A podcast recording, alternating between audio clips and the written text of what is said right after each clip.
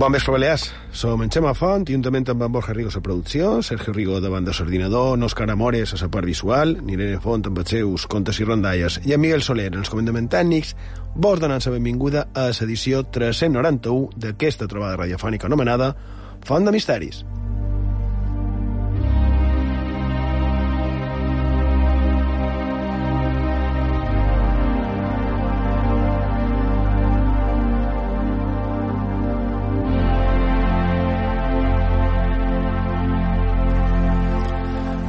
Bon vespre, Borja Rigo. Bon vespre. Sergio Rigo, bon vespre. Bon vespre, Xamà.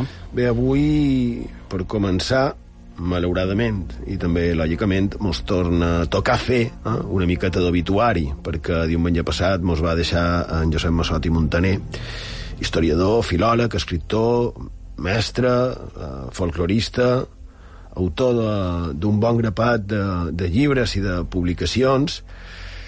Podríem destacar a part de, a part dels cançoners, bé, dels cançoners i, i, i de tantes coses, no? Però jo diria que podríem destacar els seus estudis damunt la guerra civil i els seus protagonistes, principalment a Mallorca, no? I moltes de les coses que ell deia jo crec que haurien de ser objecte d'estudi obligatori. Eh? Ja sabeu allò de que de com es tendeix no? a repetir a repetir la història. També era director de la revista Randa, també de les publicacions de l'Abadia de Montserrat, perquè aquí no, no ho he dit, ell era monjo benedictí i vivia precisament allà a l'Abadia de Montserrat. I allò m'hagués agradat conèixer-lo personalment i, i de manera anecdòtica demanar-li per la visita d'en Himmler a, a Montserrat, no? suposadament en la recerca del Grial. I Clar, perquè ell tenia accés a, a, a tots els arxius, no? i tal vegada hi sabia coses. També fou col·laborador de la Gran Enciclopèdia Mallorca, autor d'incontables volums, també d'articles. Bé, un home, en definitiva, eh, prolífic, treballador incansable, que estimava la nostra terra, la nostra cultura i, i també, evidentment, la nostra història. Bé, jo, està sempre somnipresent no? a les a les bibliografies destacades no? de, dels temes que normalment tractam a Font de Misteris. O sigui, pues, és habitual no? el, el trobar-te coses seves quan, quan prepares qualque programa. I de Descansi en pau, certament, que, per cert, han triat com a música per aquest obituari s'obra d'un autor, d'en Klaus Schulz, que també va morir aquesta setmana i que més és un dels pioners de la música electrònica, música que mos serveix tan bé per, per vestir el que contàvem a Font de Misteris, i crec que era un, una espècie de doble homenatge.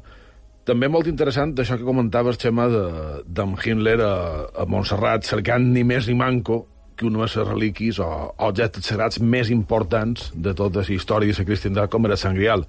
Sense entrar en el, en el tema, clar, sí que poden recordar, si voleu, que no va ser, diguéssim, una operació de recerca casual, sinó part d'una gran campanya a escala mundial on els nazis se volien fer en tots els objectes de poder que poguessin trobar per tal de garantir la seva victòria a la guerra i, naturalment, la seva posterior supremacia. Però la qüestió és per què Montserrat com a destí desgrial i d'on surt això? I, de, entre altres motius, perquè en Hitler i les SS van seguir a rastre de la copa, o el que dimoni sigui esgrial en realitat, a través del Parcival de Neskenbach publicat en el segle XIII, on se diu que la relíquia se troba a un cim que li diuen Montsalvat i que per similitud se va associar amb Montserrat.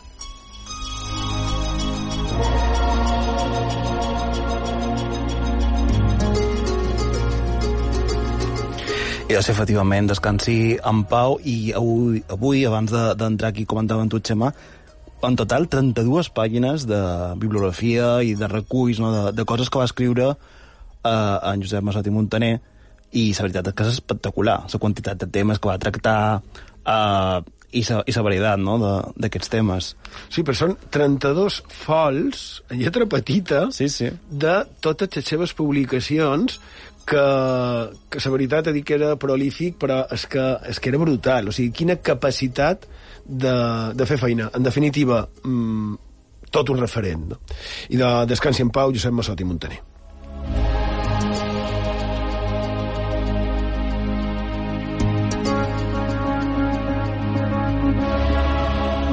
Una altra cosa. El proper divendres, 6 de maig de 2022, a Manacor, Mallorca, torna la iniciativa Manacor Encantat. I què és això?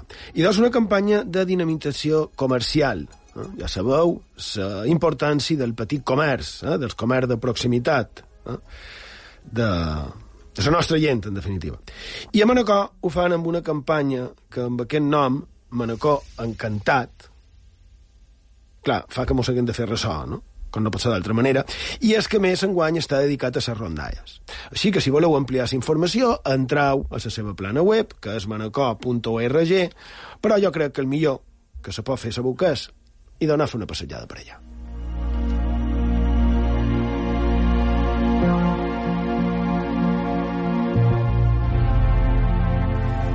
Mira, si ara que he dit això de ressò per associació d'idees, a Campos, a Mallorca, això de ressò és perquè és nom de sa, de la seva revista municipal de Campos, i d'allà demà tenen una obra de teatre que es diu A tocs de Siri, on tenc entès que es mescla Setmana Santa, panades, tradició, llegenda i l'absurd, també, en situacions eh, on fins i tot ens podem veure una miqueta representats i on té protagonisme un altre una altra de les relíquies més sagrades de la cristiandat. Ara han comentat el Grial, i, i, i ara pens aquí que també no, hi hauria una d'aquestes altres tan importants que seria la Verònica, la Santa Fas, eh? de la que, per cert, diuen que tenim una miraculosa còpia a les nostres illes, en el convent de la Concepció, en aquest cas a Palma. I, Allà mateix també tenim una altra figura que s'ha descrit des Noguer, i jo crec Borja Rigo, que jo no sé si és que se mos ha passat o jo vaig xerrat, um, perquè és una altra peça llegendària, miraculosa, que, que era, ara era per aquestes fetges que havia d'agafar protagonisme per, perquè es movia una estàtua. Sí, de fet, si no recordo malament, ho varen comentar fora de micròfon, se mos va passar, mos va fer d'escap a tot tret, la veritat, i sí, sí que és cert que Anava a dir, diu la tradició, no. La tradició ho diu, però també ho diu un notari, que això és important. Aquí està la gràcia. Principi del segle XVIII, 1718, si no recordo malament, ho estic dient en memòria, es, un notari va recollir com escrits del Noguer, aquella estàtua fantàstica que se va aparèixer també de manera màgica, podríem dir, dins, dins un arbre, que està a la Concepció, com dius, i de es dimecres de Senra, per motiu que sigui, mou el cap. I doncs, jo crec que és fascinant. És, és brutal, és, és que és boníssim. Ta, ta, ja, directament, una estàtua, o sigui, una, una peça de, de fusta, que, que mou el cap el dimecres de Sant Re. Jo no, no estava segur quan era, bé, era, i d'ara en el començament de la Corema, just abans de, de Setmana Santa. Jo crec que per l'any que ve m'ho l'han d'apuntar en el calendari del mòbil, o dir-li un d'aquests aparells que me recorden coses, quantes és pròxim? Sí, digue-li tu, en el teu, ja veurem en com te respondrà, o a Siri o, o els altres d'aquests, a quan li dius, avisen de quan el Cris de Noguer mou escapat.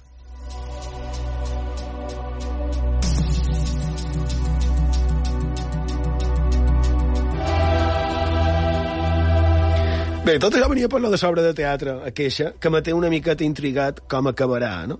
I de bé, que representa demà diumenge, primer de maig, eh, també és proper, dia 8 de maig, i també és dissabte 14, en el Teatre Escènic de Campos. Eh? Més que res perquè és d'humor, i crec que mos va bé riure una miqueta. No ho trobeu?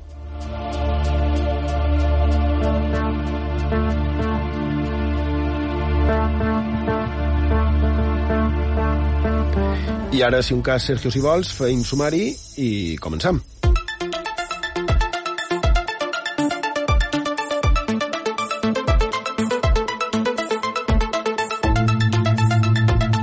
I en aquest programa 391 de Font de Misteris començarem pel que el solen fer en el final, el tema principal del programa. Comentarem uns darrers apunts de la suposada papesa lluana, història o ficció. Una setmana més tornen Irene Font en la seva secció Contes i Rondalles.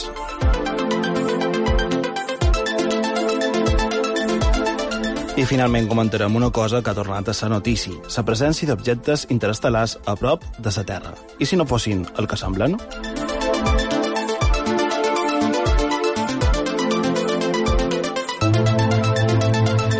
Com cada setmana mos podeu enviar tot allò que vulgueu en els nostres mitjans de contacte. Ho podeu fer per WhatsApp i Telegram. El número de telèfon és 659 1669 52. Ho repetim, 659 1669 52.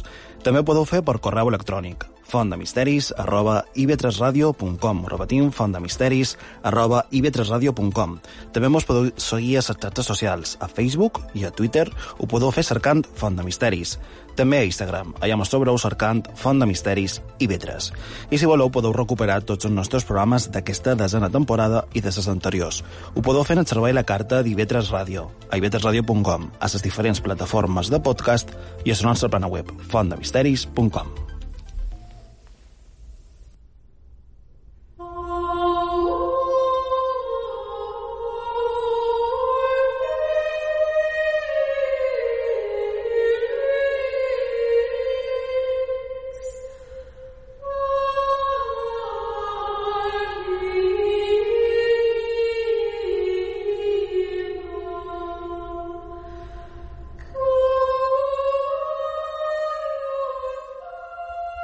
De, com ha dit en Sergio en el sumari, avui començarem perquè normalment és el darrer que feien el programa. Tant se fa. Més que res perquè vull acabar amb el tema. El manco de moment. I és que sabeu què passa? Que quan un es que fica a cercar coses es va trobant més i més i, i se va tot com a complementant. Però si ja toca acabar amb el tema aquest de la papassa Joana, la possibilitat de que una dona arribés a ser papa de Roma i, i és que, com vaig dir a la darrera edició de Font de Misteris, hi ha molt més del que imaginem.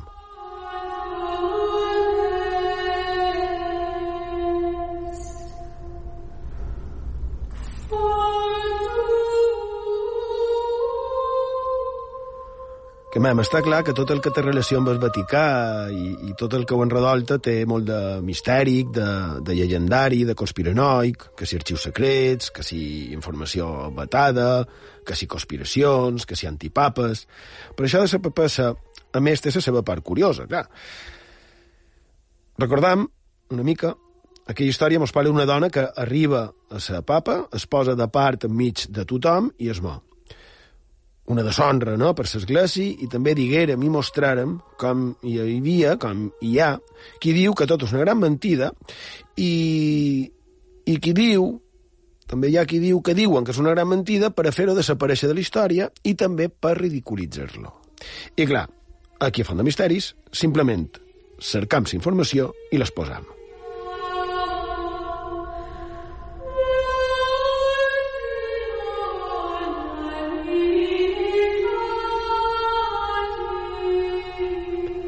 També digueren que per evitar que això pogués tornar a passar, això d'aquesta dona, sent papa, s'hauria fet construir una mena de trona de marbre immensa on es col·locaria a baix d'aquesta trona un senyor per poder-le tocar-li el de xonsos, eh, ja m'enteneu, en el nou papa, per així poder comprovar que és veró.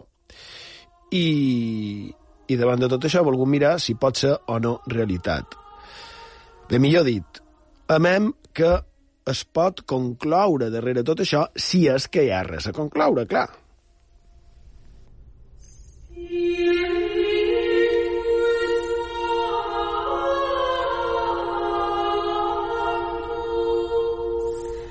I què he fet? I he anat en el llistat oficial de papes de Roma, que són a la plana web oficial del Vaticà, en aquest cas és del segle IX, que són seria, segons deien. Eh? I de, tenim a les fitxes, Bé, tampoc són fitxes. Surt el nom, la data d'inici i final del pontificat. Eh? I ho tenim llistat. Anem amb el papa Cent, Valentí. Eh? Se sap que era romà i que va ser papa entre agost del 827 i setembre del mateix any. Un mes de papa. Bé, no se sap exactament perquè es desconeixen els dies de la seva elecció i del seu final, que ja és curiós. Això. El següent té dues possibles dates de començament, o bé setembre del 827 o 29 de març de 828 aquesta era en Gregori IV i acaba el 25 de gener del 844. Després, Sergi II. A continuació, Lleó IV on jo diria que falten 3 anys, o el manco així surt, perquè si l'altre va ser fins al 844, en aquest diuen que comença el 847, i hauria acabat el 855. I aquí, en teoria, a segons se podria ficar, faria de qualque manera, la papassa, I mos diu la plana web del Vaticà que el següent va ser Benedicte III, que hauria començat dos mesos després d'haver acabat el papat de l'anterior. Després segueix Nicolau, Adrià II, després Joan VIII, que hauria estat escoït el 872. Així de, tenim que falten dates, que ha baix de dies, i a més que el suposar que hauria tingut el nom de la papessa, en Joan VIII, seria quasi 20 anys posterior, perquè, clar, hi ha la teoria que aquesta papessa hagués triat com a nom Joan, i en el seu cas diuen que seria Joan VIII.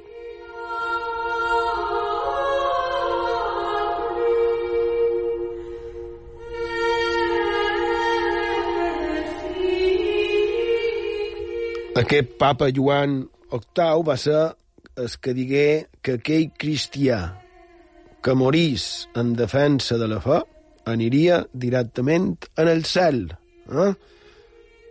Curiositat de la història, no ho trobeu? Me sembla una afirmació molt agosarada, evidentment, però també tan actual, no? Canviau noms, però el que ja li fi el mateix. Bé, aquest papa hi ha la teoria de que va morir assassinat, l'enverinaren. És que és, és fascinant tot això. Però com que no moria, li varen pegar amb un martell en el cap fins Mataró, fins que el varen matar. I és que tenia molt d'enemics, però també tenia molt d'amics. D'ell diuen també que va ser tot un estratega, però no sembla, malgrat haver arribat a ser llegendari, no sembla que fos aquest el papa que donàs origen a la història de la papessa. L'única semblança seria el nom, Joan, i els anys, suposadament, malgrat aquesta diferència de diverses dècades, clar.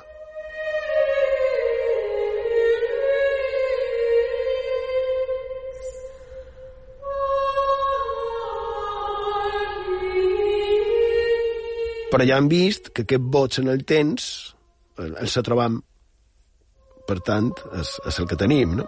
De fet, hi ha moltes dades i moltes dates que falten, que no semblen correctes, que semblen com inconexes, no ho sé. Així, doncs, tenim que abans hi havia qui donava per cert aquesta història de la papessa, però que després es va començar a negar fins que a dia d'avui està considerada com una fàbula. Bé, com una llegenda, com una invenció. D'acord. A més, si estigués, si hagués existida aquesta dona en el llistat, faltaria un papa faltaria un nom en el llistat de papes. No ho penseu?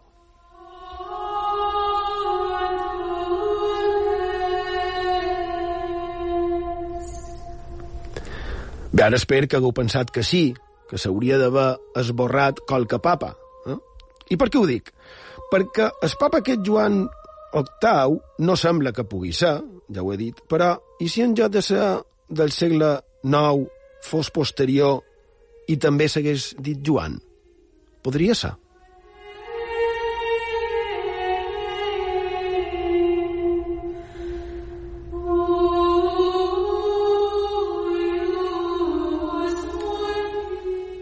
I si ho varen voler silenciar o amagar directament, l'haurien d'haver suprimit, d'haver esborrat, tant senzill com això. No? Dit jo.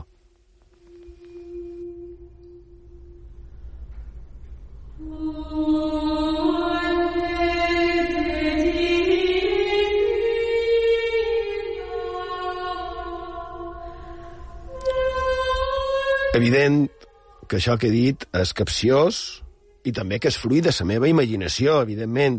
Però, però, és que resulta que el papa Joan XX no existeix.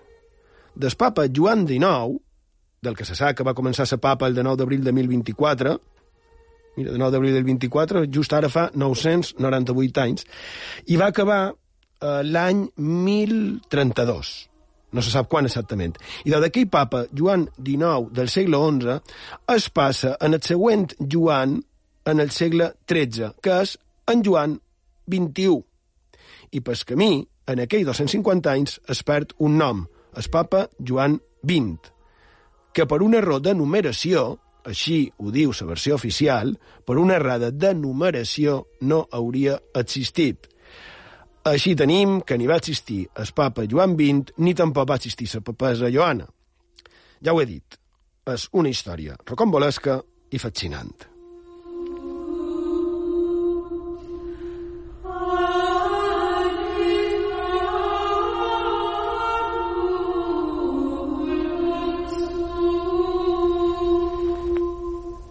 I podria acabar aquí la història, deixant que cadascú tregui les seves pròpies conclusions. Llegenda, mite, amagar la realitat, desinformació, invenció... Però no, no acaba aquí. Farem ara, si un cas, una petita pausa i tot d'una continuarem aquí a Font de Misteris amem si podem concloure què va passar amb aqueixa enigmàtica figura de sa papessa Joana.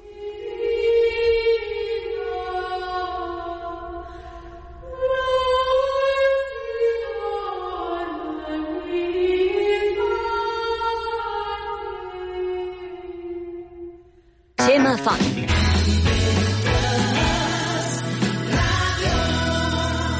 Font de misteris. El moment més comentat d'aquesta edició dels Oscar l'han protagonitzat Will Smith i Chris Rock. Ahora escucha la historia de mi vida y de cómo el destino cambió mi movida sin comerlo ni beberlo. Cambió mi mood y la lié parda en los Oscars de Hollywood. Cada dissabte a les 10 del vespre ens miram l'actualitat amb distància des de l'oasi. Al oeste de la sala bebía y reía, aplaudiendo los chistes desde mi fila. Seguía el acto sin cansarme demasiado, pasando de quien ganaba al mejor decorado. L'oasi. Uau! El racó d'humor i sàtira d'IV3 Ràdio.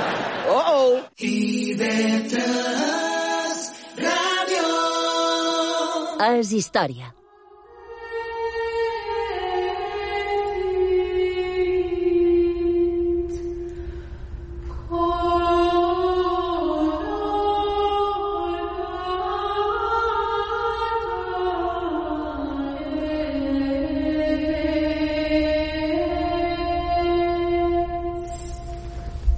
I doncs seguim a Font de Misteris, a sintonia d'IV3 Ràdio, la ràdio pública a les Illes Balears, a Menorca mos podeu trobar en el 88.6 de la freqüència modulada, i ho hem deixat just abans d'aquesta petita pausa, um, hem deixat dient aquella història que semblava una invenció, que té la que, diguem que casualitat, no?, de que falta un nom entre els papes que s'anomenen Joan.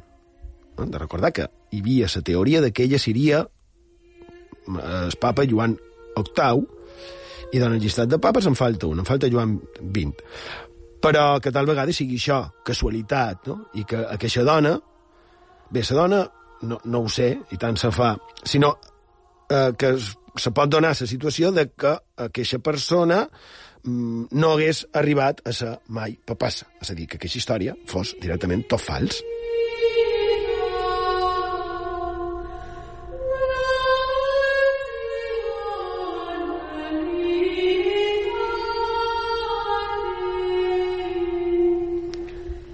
Bé, com sabeu, el que mos escoltau, jo m'agrada anar sempre eh, en els llibres i una referència, podríem dir, per determinar el punt de vista més oficial, per dir-ho qualque manera, és anar a s'espassa. Tots sabem que és tot un referent. I en el seu tom 41, mireu com ho determina, en quina rotunditat, en quina fermesa. Eh? Quina pensau que seria o és la seva entrada a l'enciclopèdia, a l'espassa, de l'any Mesomanco, això és de l'any 20, 1920. I de diu, papisa, perquè vaig cercar papisa, voz sin verdadero sentido, que quiere significar mujer papa, y que se inventó y se ha usado únicamente para designar al personaje fabuloso llamado la papisa Juana.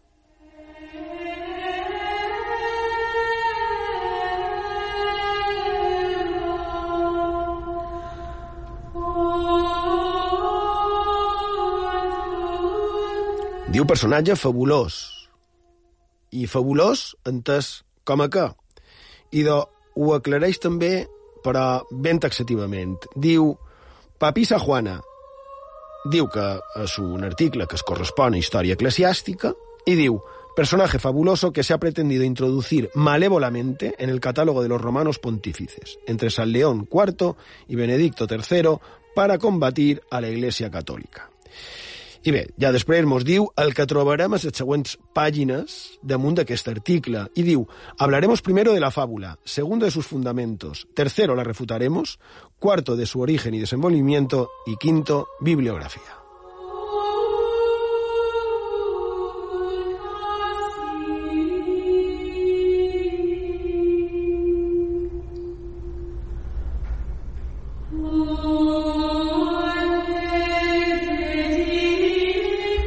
Au, idò, ja ho tenim bastant clar, no? Res de papasses, s'ha acabat. Tampoc fa falta donar-li més voltes. Oh, sí. I de mirau, segons el prestigiós periodista especialitzat en ciència i tecnologia, en José Manuel Nieves, que hem parlat més d'una i més de dues i més de tres vegades d'ell, va publicar en el diari ABC del 24 de setembre de 2018 això. Existe un acalorado debate sobre si el Papa Juan Anglico existió realmente y mucho más aún sobre si ese Papa fue un hombre o una mujer. En parte la duda se debe a la gran confusión que existe sobre las identidades de los papas durante el siglo IX. Por ejemplo, explica Avict a la revista Life Science, en la copia más antigua que se conserva del Liber Pontificalis, el volumen que recoge las biografías papales durante la Alta Edad Media, el Papa Benedicto III está ausente por completo. Això és el que diu.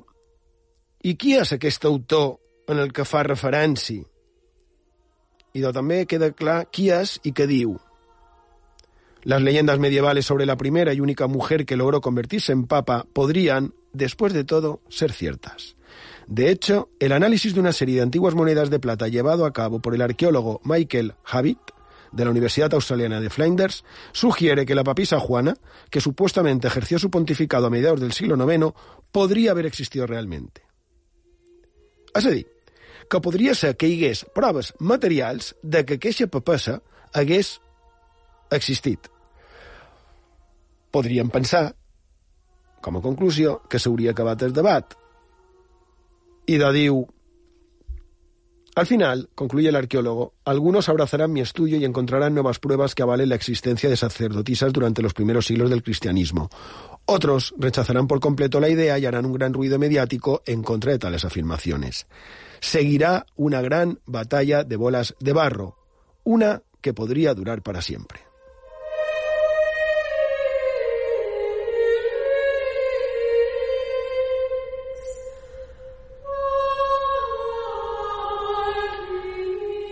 I de lo que és el manco per part meva, poc més que afegir, no? Només dir que també hi ha qui diu que deia que aquell papa, Joan XX, inexistent, era o bé un antipapa o, més interessant encara, que hauria estat fruit de pactes amb el diable. Però queixa ja seria, com no, una altra història.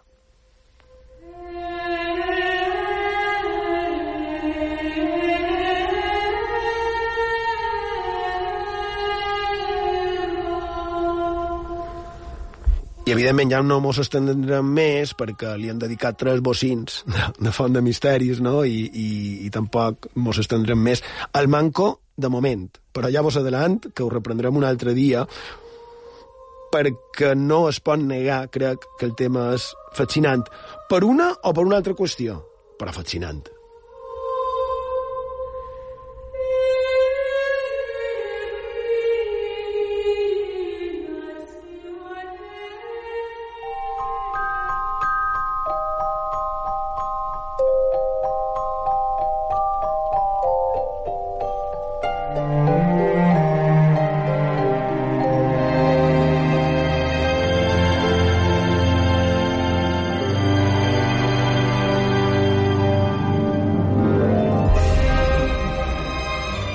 Com sempre que sona aquesta sintonia, anem en la secció que nosaltres hem anomenat Contes i Rondalles, on cada setmana en Irene Font mos du qualque contarella, qualque llegenda, qualque rondalla, no? que li hagi cridat l'atenció pel motiu que sigui. Bon vespre, Irene. Bon vespre, Xema. Què mos dus avui? Bé, per aquesta setmana, ja que en Sergio i tu ho heu comentat el programa, he volgut pagar una ullada a la darrera publicació de Caterina Belriu, les rondalles que l'arxiduc no va publicar. El llibre que s'acaba de publicar i ha estat precisament que aquest llibre que he tret la rondalla d'avui, que es titula El Cent Guaita, ubicada eh, en part a Mallorca i que conta tal que així.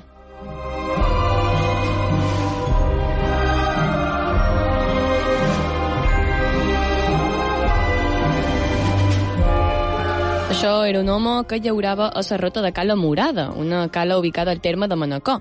I de veure que un matí boirós es va veure de sobte revoltat d'una partida de moros que l'agafaren i se l'endugueren deixant es parell llunyit.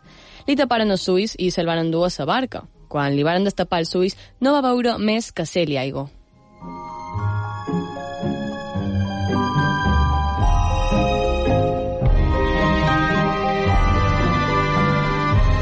Arribat al Guer, el tragueren per vendre-lo en el primer mercat que, que hi va haver, i el comprar un moro molt ric. Però al cap de poc temps, les seves riqueses varen anar a pitjor i va vendre tot el que tenia, juntament amb aquell esclau, que va parar a mans d'un altre moro molt ric que era de Jerusalem, i se'n va anar a casa seva, a, a, a la seva terra, i se l'endugué.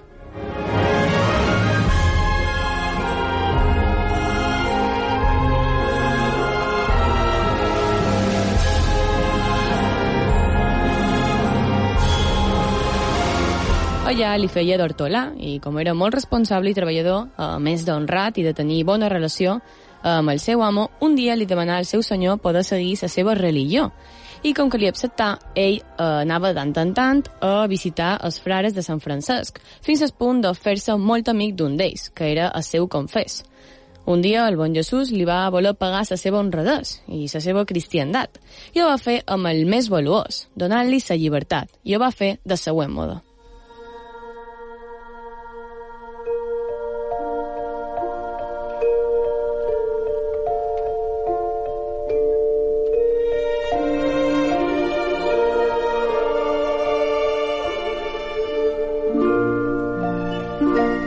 Va resultar que quan ell arribà a casa d'aquest nou amo, aquest tenia un fill petit, però havien passat ja molt d'anys i aquell nin ja era un homenet que fins i tot ja era a punt de casar-se. Un dia es passejava el fill de l'amo amb sa nòvia i altre traient per dins sort, on precisament s'esclau, el nostre protagonista, feia d'hortolà. S'esclau sentí uns grans crits i va apropar-se corregent tot d'una. Per la seva sorpresa, va ser sa nòvia que va caure dins un safareig. L'esclau, sense mirar si estava suat o si la seva vida perillava, se va ficar dins aigua per treure sa nòvia, sense que hagués tingut res de nou. Podeu fer comptes si el sogre i soma d'ella estigueren agraïts a l'esclau. Tot d'una el convidaren el mateix dia a dinar amb ells i això era un favor molt gros entre ells, perquè no hi menjava mai ningú de sa, de sa servitud. Quan varen haver dinat, el senyor de sa casa li digué «Mirau, jo vos tenc que pagar aquest favor que mos heu fet. Digueu que voleu. Estimau més estar amb nosaltres tot el temps de sa vida, i si jo em muir deixar-vos un que viure, o pel contrari, estimau més anar-vos a que vostre. Ell digué que hi volia pensar, i tot d'una se n'anà a consultar-ho amb el seu confés, que era aquell frare de Sant Francesc.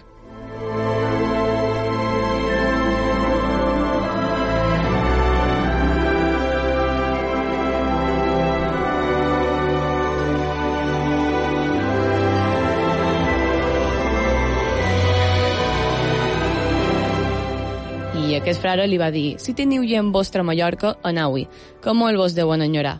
Aquestes paraules li varen rompre escó i sense pensar-hi pus se n'anà al senyor i li digué Senyora, jo estim més anar-me'n a ca meva i si trob viu qualcú de la meva família encara seré temps de donar-li una ferrada pescoi. El senyor, amb un somriure, li va dir i donau pas moi i el primer vaixell que surti per la vostra terra, digue-m'ho i jo vos pagaré el viatge. Aquell homenet es va passar segons dies viatjant per la ribera, guaitant per trobar el vaixell que el tornaria amb la seva família.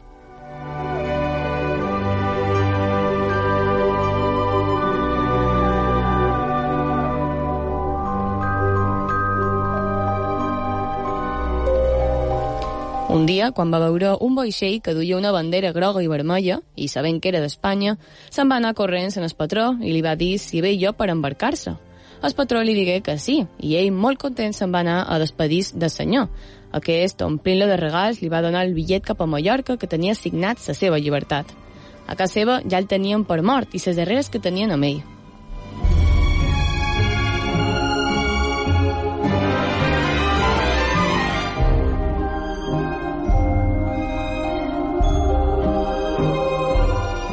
Un dia, ben de matí, entrà a casa seva i s'hi trobà dues filles que feinejaven.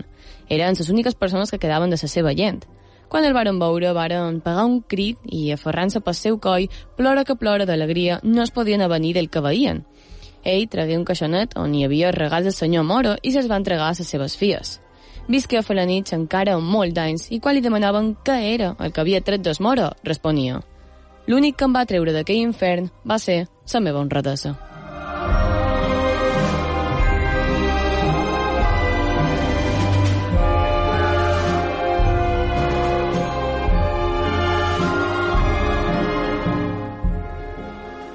Jo la primera sensació que, que vaig treure quan vaig llegir per primera vegada aquesta, aquesta rondalla, que la vaig, crec que d'una publicació d'en Grimal de Casconcos, ni més ni manco, crec que ho vaig treure d'allà, no estic gaire, bé, no estic segur del tot, però eh, el primer que me va cridar l'atenció va ser el fet com a tal de, de que quan els esclaus, no?, que poguessin tenir el seu confessor, que hi hagués també allà on eren, també hagués un convent, no?, i també això de anar, anar suat, no mirar si anava suat per salvar aquella dona que estava dins aigua, no? Aquesta, eh, clar, perquè si anava suat, imagina't, te ficaves dins aigua i, i podries col·lapsar, no? Molt curiós. I també crec que és una d'aquestes, Irene, no sé tu què trobes, que està plena de missatge. I, I tant que sí. Per una banda, el fet de que s'enredessa i el fer les coses tenen sempre una recompensa, un premi. Però, per una altra banda, també podríem extreure que, que mai s'ha de perdre l'esperança i ja de pas, ubicant-nos en el temps de, de l'Arxiduc, i bé, també èpoques anteriors, està la part més, eh, diria, religiosa, com en aquest cas, que Déu t'acabarà ajudant i premiant per, per les teves bones accions. Sí, la típica moralina no? que es poden treure d'aquestes historietes que, per altra banda, són ben xules i, i ben interessants. Moltes gràcies, Irene. Gràcies a tu, Gemma, i fins la setmana que ve.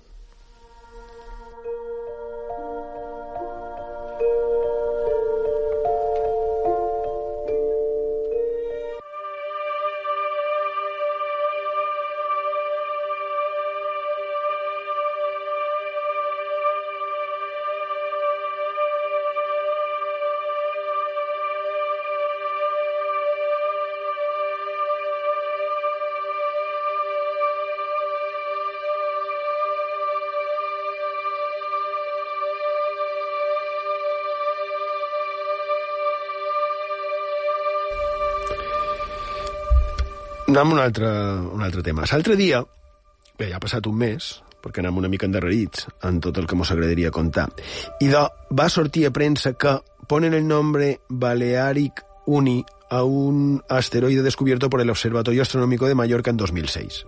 Això ho va publicar el Diari de Mallorca indicant que la Unió Astronòmica Internacional ha posat un asteroide descobert l'any 2006 per l'Observatori Astronòmic de Mallorca per iniciativa de la Fundació Instituto de y Aeronáutica de Mallorca, es nom de 185101 Balearic Uni, en referència a la nostra universitat. Així que, molt bé, sempre és interessant, amb aquestes coses, tenir visibilitat a nivell internacional. I això me dona peu a parlar d'una altra cosa. Vaig dir que estaria a sobre, perquè crec que donarà molt que xerrar i pot haver marcat un abans i un després, i jo diria que ho ha tornat a fer. Faig referència a les sorprenents declaracions del físic, astrofísic i professor de Harvard, Avi Loeb.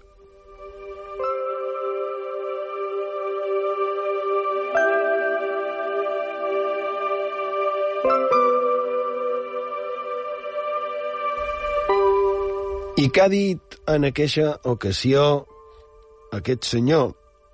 Bé, aquest senyor, Nabil Loeb, aclarí que ell, de, ell diu que cap possibilitat que els extraterrestres, tal i com els entenem quan parlant d'extraterrestres, i de cap la possibilitat de que mos hagin visitat o que mos visitin, que pot haver vida intel·ligent a l'espai, i, i això, bàsicament, que podria ser que mos visitessin.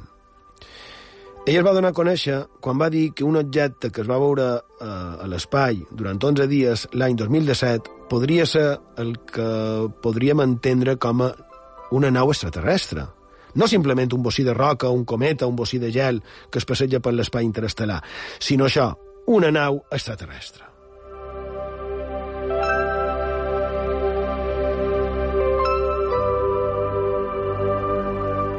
Es creia que era el primer objecte interestel·lar detectat, eh? detectat per, pels humans, i pels seus moviments erràtics i, i pocs, poc lògics, segons la física, ell es va aventurar a dir que tal vegada era perquè no era un objecte natural. I clar, tenim la polèmica servida.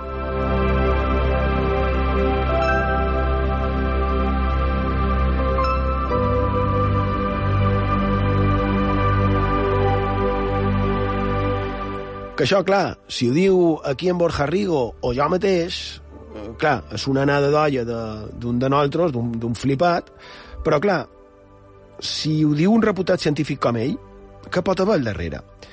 I dels casos que l'altre dia, la setmana passada, vaig veure a la revista molt interessant un artículo que diu un objeto interestelar explotó sobre la Tierra en 2014. Así lo han revelado nuevos datos desclasificados por Estados Unidos, convirtiendo esta roca espacial en el primer visitante interestelar conocido. I per què me va cridar l'atenció? I doncs perquè, segons això, l'Oumuamua no seria el primer objecte interestel·lar detectat, seria el segon. El primer seria aquest de l'any 2014, que surt ara a la llum perquè està entre un grapat d'informes desclassificat pel govern dels Estats Units. Y diu el Comando Espacial de Estados Unidos ha confirmado en un memorando publicado la semana pasada que, textual, un objeto interestelar detectado previamente era, de hecho, un objeto interestelar. Hablamos de la bola de fuego que se vio sobre los cielos de Papúa Nueva Guinea en 2014, Al parecer no se pudo completar un análisis más detallado del evento hasta que los datos se abrieron para un estudio más amplio. Este primer visitante otro sistema solar ha sido bautizado como CNEOS 2014-0108 y el análisis de los datos recientemente desclasificados muestra que el pequeño meteorito de 0,45 metros de ancho, viajaba a unos 210.000 kilómetros por hora, que supera con creces a la mayoría de los meteoritos que se encuentran en nuestro sistema solar.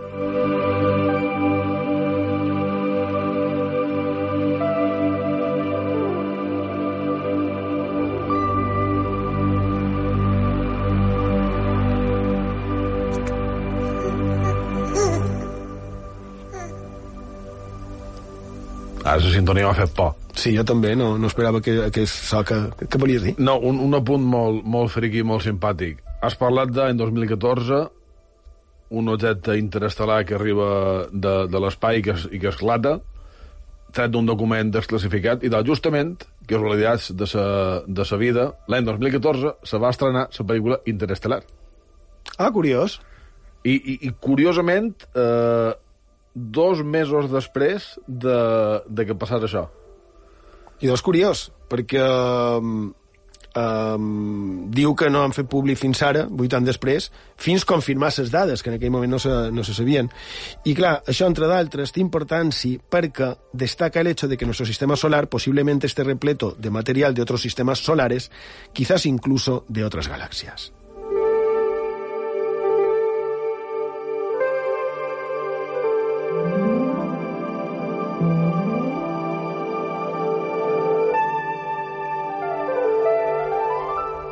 I en aquest cas es va convertir en una bolla de foc que es va veure en el cel de Papua Nova Guinea l'any 2014 i ara s'ha dit de manera oficial que era un objecte interestel·lar. És a dir, de fora del nostre sistema solar. Molt bé, cap problema. I quina és la particularitat? I que aquest científic de Harvard, Navi Loeb, i, el, i el seu company, el també científic Amir Siraj, ja fa anys que ho varen dir, que ja ho varen afirmar. I clar, ells segueixen en la seva teoria de que no s'ha d'excloure que la cosa aquella, aquell objecte que es va convertir en una bolla de foc, pogués tenir un origen artificial. Ells diuen que si es pogués analitzar abans de que arribessin a la Terra, podrien saber molt més. Clar, evidentment, evidentment. I en el seu darrer informe, d'abril del 2019, és a dir, que ja fa 3 anys d'això, i ha estat ara que han dit que això és un objecte interestel·lar. I de, en aquest informe d'abril 2019, acaba dient, aquest informe de Naviloep, aquest nou camp de la investigació astronòmica és significatiu perquè ens pot estudiar el viatge i ens pot permetre estudiar mostres d'altres sistemes planetaris, ja sigui el seu origen natural o artificial.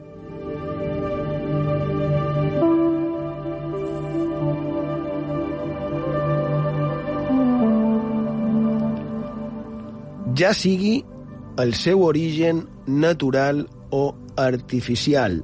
Jo crec que poc més que afegir. No sé si vosaltres voleu comentar res, però és, és brutal com aquest senyor segueix afirmant la possibilitat de que siguin objectes artificials, no? No sé si, si damunt d'això voleu comentar és res. molt interessant i com han dit qualque vegada està molt bé que ho digui un científic tan reputat perquè així és que no ho som no queden tan, tan sonats, tan locos, tan... tan flipats, que he dit Exacte, abans, no? que he emprat exacte. aquesta paraula que crec que és adient. Uh, demà és primer de maig, per cert, les festes de, de Santa Eulària del Riu, no? Gaudiu-les. Si jo estigués, uh, vos puc ben assegurar que, que hi aniria, perquè hi ha molt bona gent, i és un poble fantàstic, Santa Eulària del Riu, uh, a Eivissa, però avui vespre és una nit especial pels qui els hi agraden aquestes coses enigmàtiques. Mm, Borja Rigo, sí, quin dia és eh, avui? Avui 30 vespre hi ha temps per les bruixes. És la coneguda com a nit de Valpurgis, que qui vulgui pot celebrar ara mateix, tot d'una que acabi el programa. Aquesta nit és una tradició fonamental germànica i d'altres indrets, i se parla que és una oposició eh, en els tots sants i és costum vestir-se de bruixa, de bruixot, de dimoni i fer gresca, fogueres en els pobles i a, i a ciutats.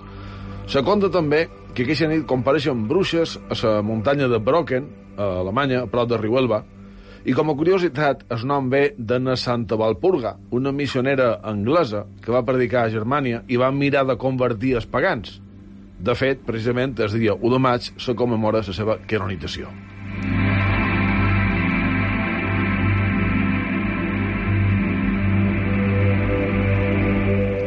I de, ja tenim feines ara en acabar el programa. No sé si veniu en jo o... Bueno, anar cap a casa. Però um, ara, ho, com- ara ho comentarem. Uh, de totes maneres, molt curiós, perquè just després, sis mesos, just després, aquí, a la nit de Tots Sants. I no és casualitat.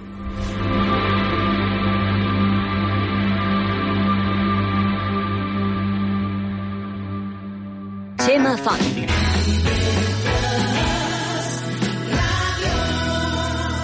Font de misteris.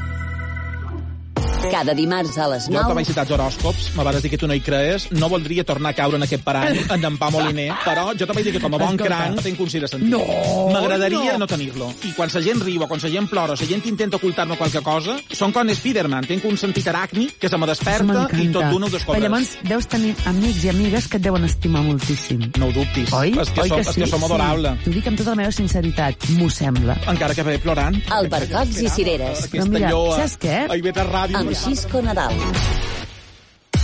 Aquest diumenge, a les 4 de l'hora baixa, Sporting de Gijón, U d'Eivissa. Els de Paco Gémez volen tancar d'una vegada per totes la permanència matemàtica a la categoria de plata del futbol espanyol. Yo sé que el año que viene vamos a estar otra vez aquí. L'emoció de la segona divisió a IB3 Ràdio, la ràdio pública de les Illes Balears.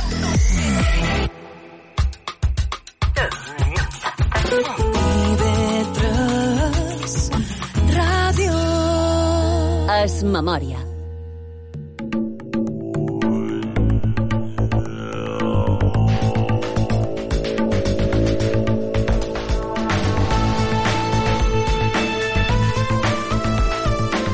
I hem arribat a la fi del programa d'avui. Esperem que hagueu passat una estona agradable i que hagueu pogut treure qualque cosa profit d'aquesta font de misteris. I qualcú me va demanar l'altre dia, per la meva opinió, damunt d'un tipus de notícia, la meva opinió, que en general ja dic que no té cap valor, eh? però per si un cas ho dic aquí també. Mireu, titular del diari di- digital 20 minutos des dimecres passat. Un asteroide cuyo tamaño duplica el Empire State se acerca a la Tierra y la NASA avisa es potencialmente peligroso. Aquesta altra, titular del Mundo, del passat dimarts. 3,8 millones de muertos en Madrid en solo 24 horas. ¿Qué pasaría si se desa- se desatara un ataque nuclear?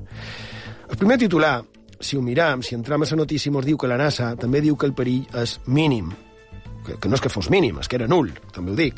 I en el, de El Mundo, encara que ho fica a la secció de Futuro, que no me diguis, després també de mostrar una infografia on es veu el mapa de Madrid i fins a on arribarien els efectes d'una explosió nuclear, val? veus això amb una animació, ja després diu que les possibilitats Bé, el que diu és això. Rússia i Estados Unidos poseen armas atómicas de sobra para destruir una ciudad en minutos o acumular 90 millones de muertos y heridos en pocas horas. Diversos simuladores permiten analizar las consecuencias de una catástrofe todavía remota.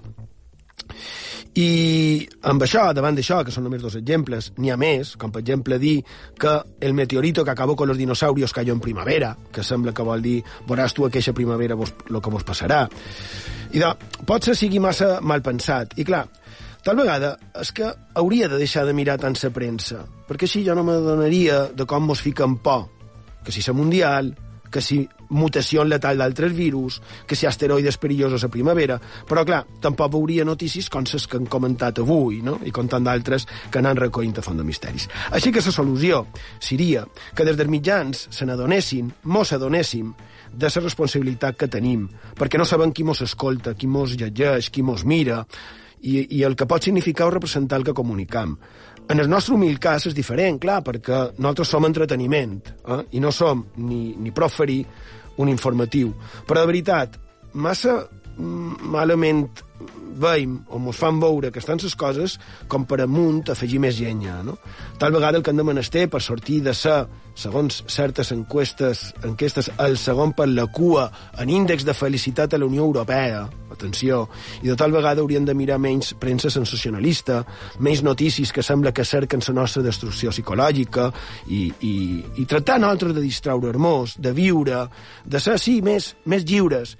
I sí, Clar que hi ha una certesa. Qualque dia sí, pot ser que mos caigui un asteroide, o pot ser que esclati una guerra, o que hi hagi una desgràcia natural que són coses contra les que no podem fer res. I aquí crec que està escrit del tema, que no podem fer res. I si és així, per què mos hem de preocupar, per què mos hem d'amoïnar? No ho trobeu? Sabeu, Utopies de gairebé la mitjanit del 17 i 3 Ràdio. Hi ha una tira d'una historieta d'en Schultz, on es veu en Snoopy i en en Charlie, i aquell li diu, Snoopy, un dia mos morirem. I en Snoopy li diu, certament és així, un dia mos morirem, però els altres dies no. I de poc més que afegir, viviu, estimau, siau feliços, no? Has de recordar això, una besada és encara una besada, i quan dos amants es comprometen encara es diuen t'estim. Amb això pots confiar, no importa el que futur endugui a mesura que passa el temps. La llum de la lluna i les cançons d'amor mai estan passades de moda. És de l'any 1941, i en aquest cas és la versió interpretada per José Carreras, As Time Goes By, a mesura que passa el temps. Allí, Pau, bona nit, gràcies per la vostra companyia, i la setmana que ve.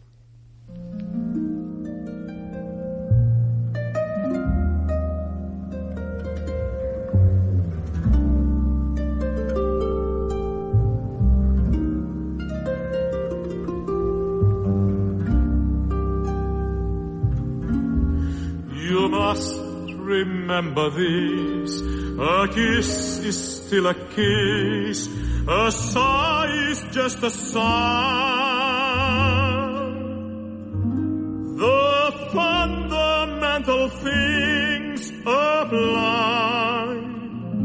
as time goes by.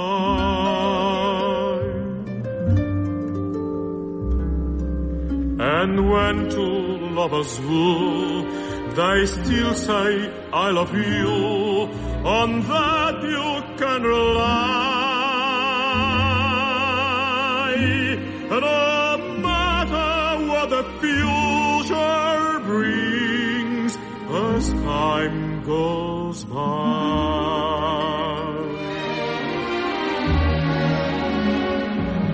Moonlight and love songs never out of date.